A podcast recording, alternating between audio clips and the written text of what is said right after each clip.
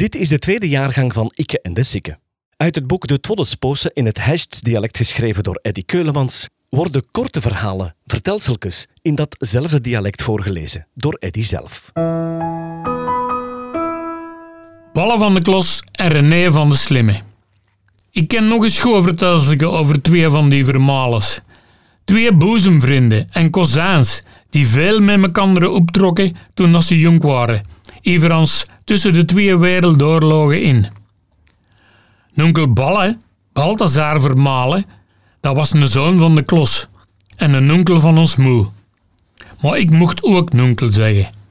En René van de Slimme, René Vermalen, dat waren heel goeie maten. En die gingen overal samen hennen om plezier te maken en pinten te drinken. Nou moeten weten, de René dat was een hevige rosse. Een rossentjol, laat ze in Hest zeggen. Maar onkel Balle, dat was een speciaal geval. Want die had geen pijltje haar op zijn kop, maar ook niet van zannes.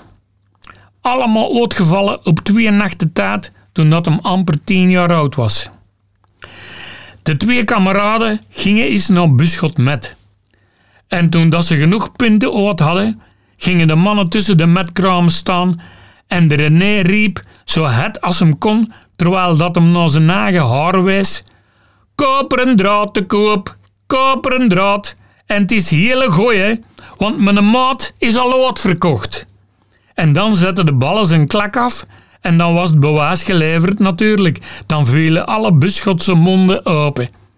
Dat gebeurde niet alleen op Buschot met, maar dat herhaalden ze eigen regelmatig als de mannen samen op gingen.